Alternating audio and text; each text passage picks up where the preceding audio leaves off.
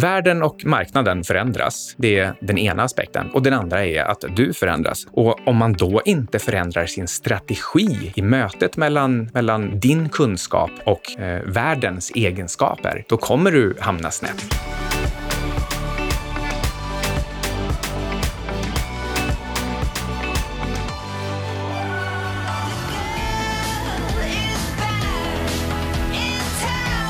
Nu är jag hemma från världens bästa stad. Vilken stad är det? Västerås? nej, men New York. Men jag längtar redan tillbaka. Varför det? Ja, men jag, nej, men vi kan väl bara konstatera att, eh, att jag sträcker lite mer på ryggen där. Jag träffar lite mer likasinnade och eh, jag hade riktigt, riktigt roligt. Träffade inte du bara en massa kryptonördar? Jo, första halvan av veckan och sen så stannade jag över helgen när mitt kryptofolk åkte hem och eh, då hängde jag istället med lite räntefolk. Så lite upp och ner där kanske. Ja, krypto och räntor det låter jätteroligt. Diversifiering. Men innan vi fortsätter, det här är alltså Outsiders med Syding och Svan. Det är jag som är Svan. Han du med någon shopping i New York? Jag tjänade faktiskt pengar på att köpa skor. Jaha, så du köpte något på rea? Nej, de var inte, inte på rea. Så uh, vad hände? Du köpte skor? Jag köpte skor för 5 300 kronor, uh, ett par, uh, och kom sen hem med dem och tyckte inte att de var så fina. Jag var lite ledsen när jag köpte dem här. så insåg jag att det kanske var en dålig idé, så jag pratade med en kompis och då sa han att Anna, du ska unna dig någonting, men du behöver inte köpa ett par fula skor så mycket pengar. Så då bestämde jag mig för att lämna tillbaka dem. Och eh, när jag eh, gjorde det några dagar senare så stod eh, dollarn lite högre. Så tack för det, Ingves. Så du fick eh, inspiration från vårt förra program, den här valutaspecialen, om hur man kan liksom samla på sig olika typer av reseupplevelser. Och det här var en av dina reseupplevelser där man kan tjäna pengar på trejda skor. Ja, så det var min valutatrade på Bergdorf Goodman. Så jag fick tillbaka 5 308 kronor. Det är ändå, ändå pengar. Men det är inte det du är specialist på? Nej, och eh, vi ska ju faktiskt prata lite om, eh, om att vara specialist eller generalist. Eh, men framförallt hur man kan utvecklas. Och jag har precis läst en bok som heter Billionaires Mindset och eh, där pratar de om att vad som är eh, egentligen eh, gemensamt för alla self-made billionaires. Jag vill bara göra klart för jag har absolut ingen som helst plan på att bli en self-made billionaire. Det finns ingenting jag tycker verkar mer ointressant än att ha så mycket pengar. Så handlar det om att kunna springa på flera bollar samtidigt och det är väl i alla fall någonting som jag är ganska duktig på. Du gör i alla fall väldigt många saker samtidigt och jag ska säga att jag är ganska imponerad över att du inte råkar fastna i träsket att eh, i princip sappa mellan olika kanaler hela tiden och inte få någonting gjort överhuvudtaget. Nej, jag får istället väldigt mycket gjort hela tiden känns det som. För annars så, så finns det ju en vetenskaplig diskussion om det här med multitasking. Att eh, multitaska, det är det absolut sämsta man kan göra för att få någonting gjort, för att man blir långsammare och dummare. Men det du gör, det är egentligen någon slags eh, seriell eh, multitasking. Ja, så skulle man väl kunna kalla det. Jag brukar väl säga att så fort jag har tid över så startar jag upp ett nytt projekt och det är sånt jag gör. Ser det som att eh, många av mina grejer är egentligen saker jag gör istället för att till exempel titta på TV eller, eller jag vet inte vad man nu gör som är liksom meningslöst. Men, eh, men hela min grej är väl också att eh, jag får mycket saker gjort för att om jag väl fastnar i ett projekt som jag sitter och jobbar med för stunden, då hoppar jag över till nästa grej som jag jobbar med. Så att på det sättet så har jag extremt effektiv arbetstid hela tiden. De allra bästa forskarna och även företagsledarna, de säger att de gör någonting åt det här hållet. För de, eh,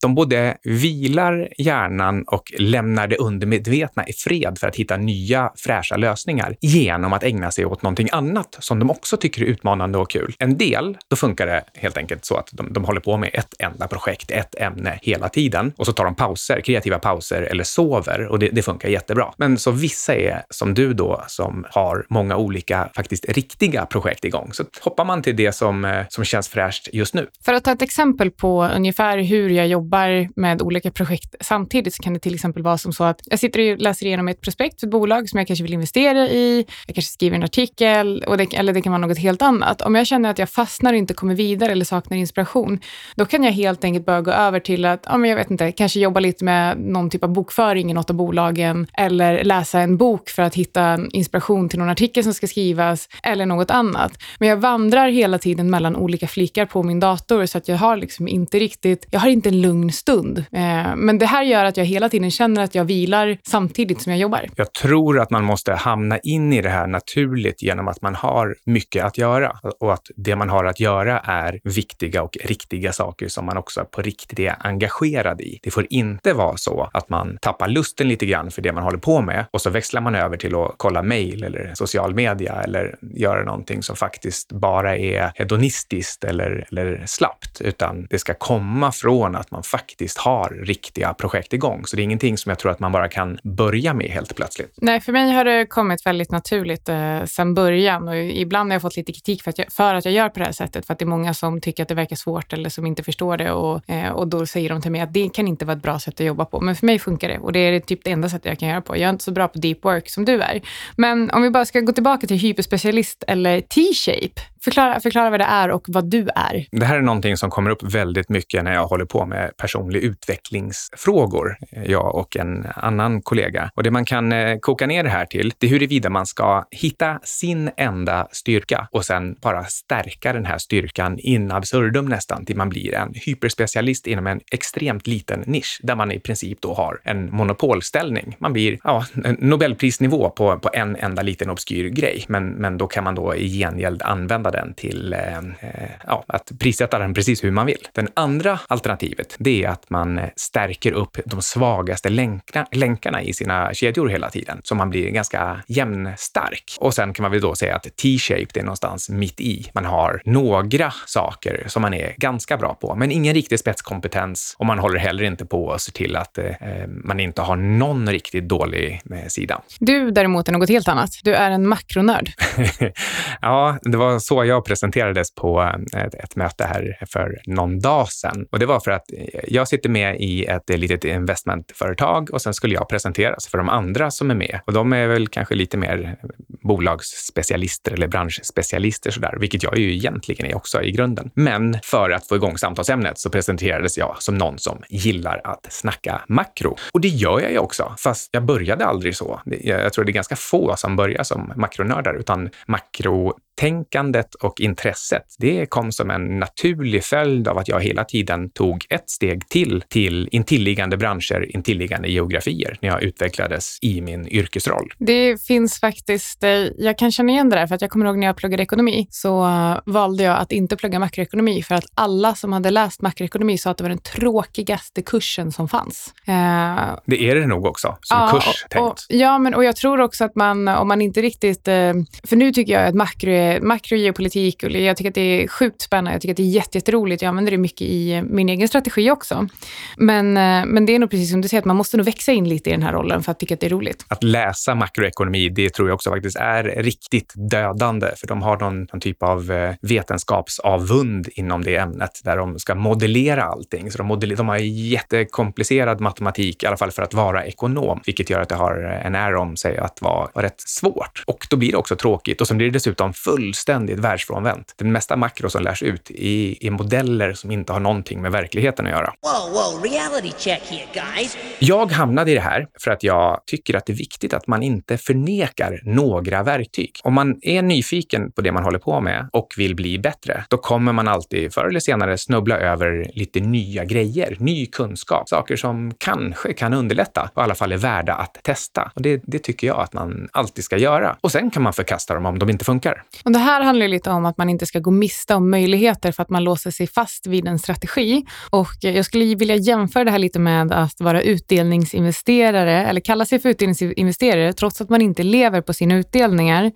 Ehm, för det man gör är egentligen att man skalar bort massa potentiellt intressanta bolag att investera i bara för att de inte delar ut pengar, trots att man inte ska göra något annat än att återinvestera de här istället. Så det handlar ju verkligen om att man förnekar sig ett verktyg till eh, större potential i sin portfölj. Jag tror det handlar om att man har förenklat alldeles för mycket för att få med sig folk på sparvågen. Och det, och det, det är att förneka verkligheten, för verkligheten är att vi förändras alla hela tiden. Du och jag, vi är helt olika människor än vi var för tio år sedan och vi kommer vara helt olika om tio år igen. Det som skiljer vissa människor från andra, det är att man erkänner och accepterar att man utvecklas på det här sättet. Och om man accepterar det, då kan man också ta makten över det och eh, medvetet förändra sig i en riktning som eh, man kan tjäna på. Och Det finns faktiskt en poäng med våra diskussioner kring just förändring om man använder det till sin fördel. För vi ska faktiskt prata om vikten av att inte låsa fast sig vid en strategi utan att låta den utvecklas tillsammans med dig och marknaden. Mm, jag tycker man kan, man kan prata om två aspekter när man pratar om sin investeringsstrategi. Och det är att världen och marknaden förändras. Det är den ena aspekten. Och den andra är att du förändras, som jag nyss sa. Och om man då inte förändrar sin strategi i mötet mellan, mellan din kunskap och eh, världens egenskaper, då kommer du hamna snett. Så det går inte att bara vara utdelningsinvesterare för evigt, eller någon annan slags investerare. Och innan vi faktiskt går in då på hur våra strategier har förändrats och hur vi tänker framöver, så vill vi tacka vår sponsor Fontobel. Och precis som vi sa, då, så marknader förändras och det kan vara ganska svårt för investerare att positionera sig mot enskilda bolag för att följa med trenden i en hel sektor. Ja, och därför så har Vontobel lanserat olika så här tematiska certifikat och de låter det exponeras mot olika branscher. Till exempel så har de Industri 4.0 och i det blir man exponerad mot företag som håller på bland annat med man-machine interface, Internet of Things. Och det här handlar alltså om att vikta de här indexen mot mot en teknikutveckling snarare mot en viss storlek på bolag. Och ett annat index, eh, det är om man vill vara med i 5G-utvecklingen, men så kanske man är osäker på vilket bolag som ligger i framkant. Och då har Fontobel sin eh, 5G Technology Performance Index Tracker. Och eh, det gör att om du anar åt vilket håll utvecklingen är på väg till exempel, men, och, du vill vara med, men du är lite osäker på hur, ja, då kan du använda det här tracker-certifikatet. Och de här handlas alltså helt utan hävstång och ger dig möjlighet att investera direkt i framtiden utan att egentligen behöva välja enskilda bolag. Men kom ihåg att det här är en investering i en riskfylld tillgång och alla sådana investeringar kan gå upp och ner i värde och du kan förlora hela eller delar av ditt kapital. Så gör din analys någon annanstans. Precis, så ingenting vi säger i det här programmet är en rekommendation. Men okej, Micke. Hur förändras din strategi över tid? Eh, förutom att du låter mig förvalta nu då. Det känns som att det är en ganska stor, det är ett ganska stort skifte mot, att vara, för, mot vad du gjorde för exakt tio år sedan när du stod i London och tog emot ett pris.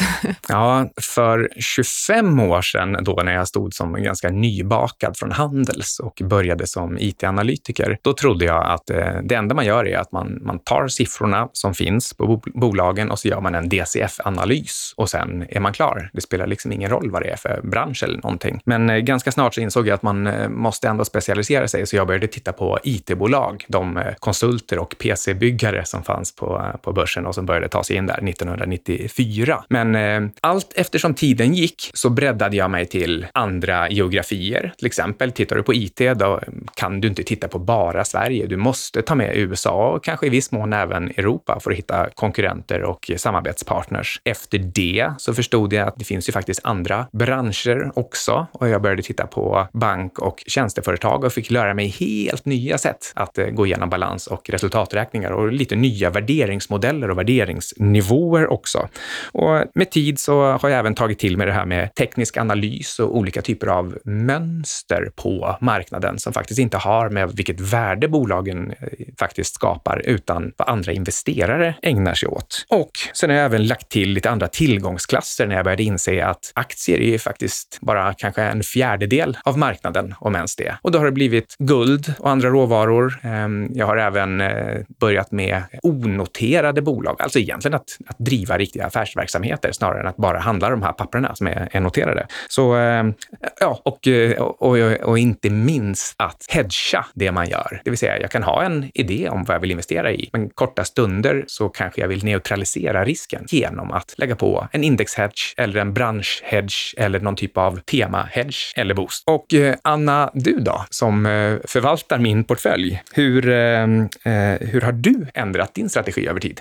Om man börjar med hur det såg ut från början, när jag började egentligen investera, så var det ju enskilda bolag och då till en början investmentbolag. Så det är väl nog kanske så långt ifrån min strategi man kan komma idag, tror jag. Det, det gick egentligen över till att jag fortsatte investera i enskilda bolag, enskilda tillgångar, men jag började också titta på andra typer av tillgångslag. Eh, och med tiden, så nu för några år sedan, så började jag ju bygga eh, modellen Cygnus. Och det var egentligen som så att jag tittade på dig och såg hur du förlorade massa pengar i din eh, bärposition. Så bestämde jag mig för att men jag tror också att aktiemarknaden är övervärderad, men jag vill för den sakens skull inte ta ett bett direkt mot. Det måste finnas ett bättre sätt. Det måste finnas andra tillgångslag som rör sig kontracykliskt eller som i alla fall är billiga när aktier är dyra, där uppsidan är större och nedsidan är mycket, mycket mindre istället för att egentligen bara betta rakt emot. Så då började jag modellera Cygnus och från, från början då så handlade egentligen Cygnus om att vi skulle allokera mellan olika tillgångslag och det var aktier, jordbruksråvaror och guld. Och då skulle vi egentligen ha en rullande allokering som, skulle, eh, som egentligen inte skulle bero på något annat än eh, en, en tid. Så från ett kvartal kunde vi allokera till något annat, men då hade vi egentligen inga, eh, ingen modell för hur marknaden rörde sig i relation till varandra. Så det har vi också förändrat. Och då var också, det var en long only strategi, så vi låg lång alla, eh, alla tillgångslag i portföljen samtidigt. Men eh, nu ser det helt annorlunda ut. Så att nu bygger Cygnus egentligen tillgång och allokeringsmodell. Ni, ni vet ju det här, ni som har lyssnat på det innan, där vi allokerar mellan aktier, jordbruksråvaror och eh, guld. Och det är vårt eget jordbruksråvaruindex som vi kallar för Cygnus Softs index.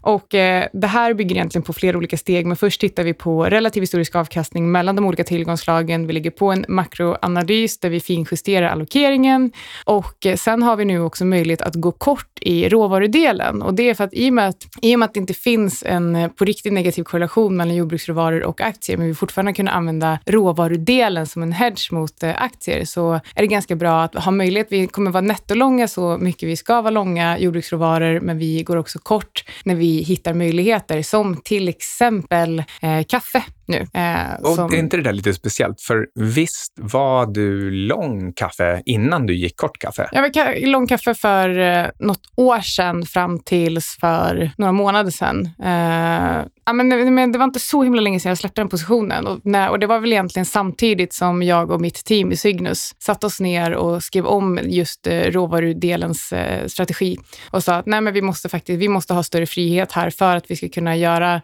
eh, göra det här på bästa sätt. Och det handlar handlar också mycket om kontangoeffekter. Hur kan vi egentligen använda det till vår fördel snarare än att vi förlorar massa, eh, massa procent i avkastning? Så eh, då släppte jag kaffe eh, och eh, är nu kort kaffe. Eh, jag funderar lite på hur jag ska göra med sojabönor. Eh, jag är rätt sugen på att eh, gå kort sojabönor också. Så man kan, eh, man kan väl säga lite grann att eh, om, om ni ville lägga 100 i råvaror, men dels tyckte att ah, men den här råvaran är dyr och den här är billig, då kan ni ligga 130 långa på ena sidan och 30 korta något annat, så är ni fortfarande 100 långa. Exakt. Så netto, nettoexponeringen ska vara lång så stor andel av portföljen så vi säger att den ska vara lång jordbruksråvaror, men vi har också fritt mandat att handla inom det här intervallet som vi vill vill. Och eh, en aspekt till som jag då fick med mig, det är att när terminsstrukturen för en råvara ser lite speciell ut. Då kan vi tjäna pengar på den istället för att förlora det. Precis, för det är väldigt dyrt då att ligga lång över tid och rulla sig framåt. Och så gör man det tvärtom istället. Exakt, och det har också varit en av våra stora utmaningar när vi har, när vi har suttit och jobbat med den här strategin och insett att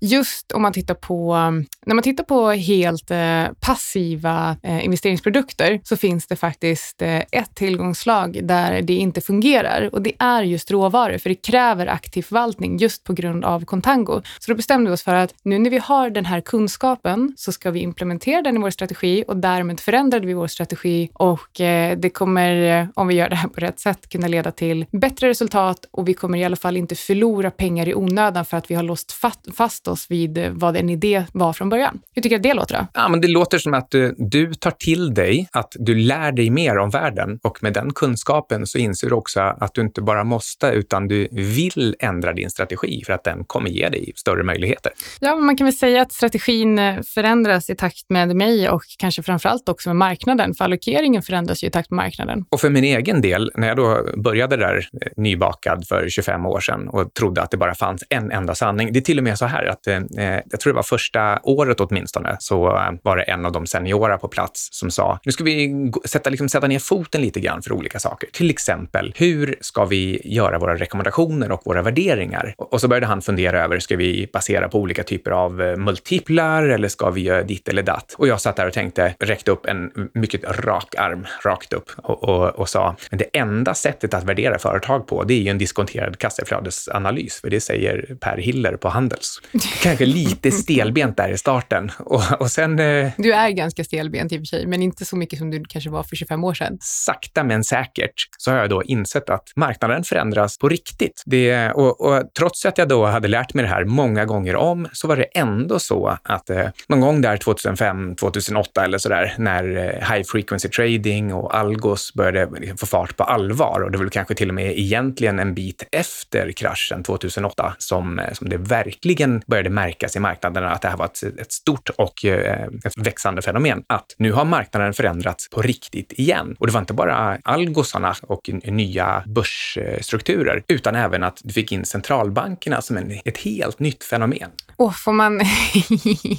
det vi kan göra är ju prata om hur mycket som helst egentligen. Ja, men, men så liksom Plunge Protection Team och, och, och andra konspirationsteorier i, all ära. Men, men vad, som, vad som faktiskt hände var att marknaden fick en ny karaktär och den gjorde faktiskt värdebaserad investering, åtminstone tillfälligt, till en, en, en väldigt svår strategi. Det, åtminstone om du har en tendens till att vilja blanka saker som är övervärderade. För eh, åtminstone under den senaste tioårsperioden, så om det, Eh, om det visar sig vara uthålligt eller inte, det låter, kan vara osagt, men kalibreringsnivån för neutral värdering, den har skiftat upp riktigt ordentligt under 2000-talet. Och det är en jättestor marknadsförändring som man måste anpassa sig till. Jag tänker att vi kan skicka med våra lyssnare lite tips när det kommer till eh, hur man egentligen ska tänka kring förändring i eh, sin egen strategi och sin egen portfölj. Och då har jag, då tänker jag så här att om man börjar med att faktiskt skriva ner hur fattar du dina investeringsbeslut? Punkt för punkt. Och när du har gjort det, då ska du förklara varför du fattar beslut baserat på de här olika parametrarna. Ja, och eh, som ett litet tillägg är att efter att du är klar med en investering, det vill säga när du har kört hela, hela vändan, du har köpt, du har haft den, du har sålt av någon anledning, då går du tillbaka till de där punkterna och sen gör du en analys av de punkterna. Sålde du av en anledning som hade med punkterna att göra, det vill säga en av, en av punkterna förändrades och därför ändrade du beslutet. Eller eller visar det sig att du faktiskt egentligen fattar beslutet på helt andra grundvalar, till exempel någon dagskänsla eller ett tips eller ja. Och hur blev utfallet? Och eh, blev utfallet positivt på grund av tur? Eh, negativt för att du frångick din strategi eller var det negativt för att eh, du egentligen hade rätt i den här nya typen av analys och du ändå kan implementera den här lärdomen på något sätt? Se alltid till att alla beslut du tar, alla vägar du väljer att ta, se till så att de på någonstans leder dig framåt och eh, låter din strategi, strategi förnyas med den här. För du kan inte på allvar tro att, eh, att du ska ha en buy and hold-strategi i eh, utdelningsbolag och att, eh, och att du ska kunna analysera bolag på samma parametrar idag som om 20, 30, 40 år. Det fungerar inte så. Marknaden förändras så du måste också göra det. Som en sista punkt i det där så tycker jag att själva vanan att skriva upp sådana här saker och göra analysen, det kommer också göra det mycket tydligare om tio år att du har ändrat din strategi. Men om du inte skriver upp, om du inte vet när du gjorde misstag, när du hade tur eller otur, då vet du inte heller på vilket sätt din strategi har ändrats och då kanske du tror, jag har alltid varit utdelningsinvesterare och det har alltid funkat eller inte funkat, för eh, så är det inte. Men eh, innan vi eh, går vidare så vill vi ju också tacka Trine. Vi är sponsrade av Trine och det är en investeringsplattform som möjliggör investering i solenergi i Afrika. Och det här är för att kunna erbjuda, ja, inte bara dig en god avkastning, men människor där ska också få ren och billig el. Och om du uppger Anna så får du 10 euro i rabatt vid er första investering. Det stämmer. Så gå in på jointrine.com, alltså www.jointrine.com om du vill veta mer. Vi kan skicka med en länk i eh, veckobrevet som går ut på söndag. Men det Då var nog allt vi hade för idag. har du lyssnat på Outsiders. Med Syding och Svan.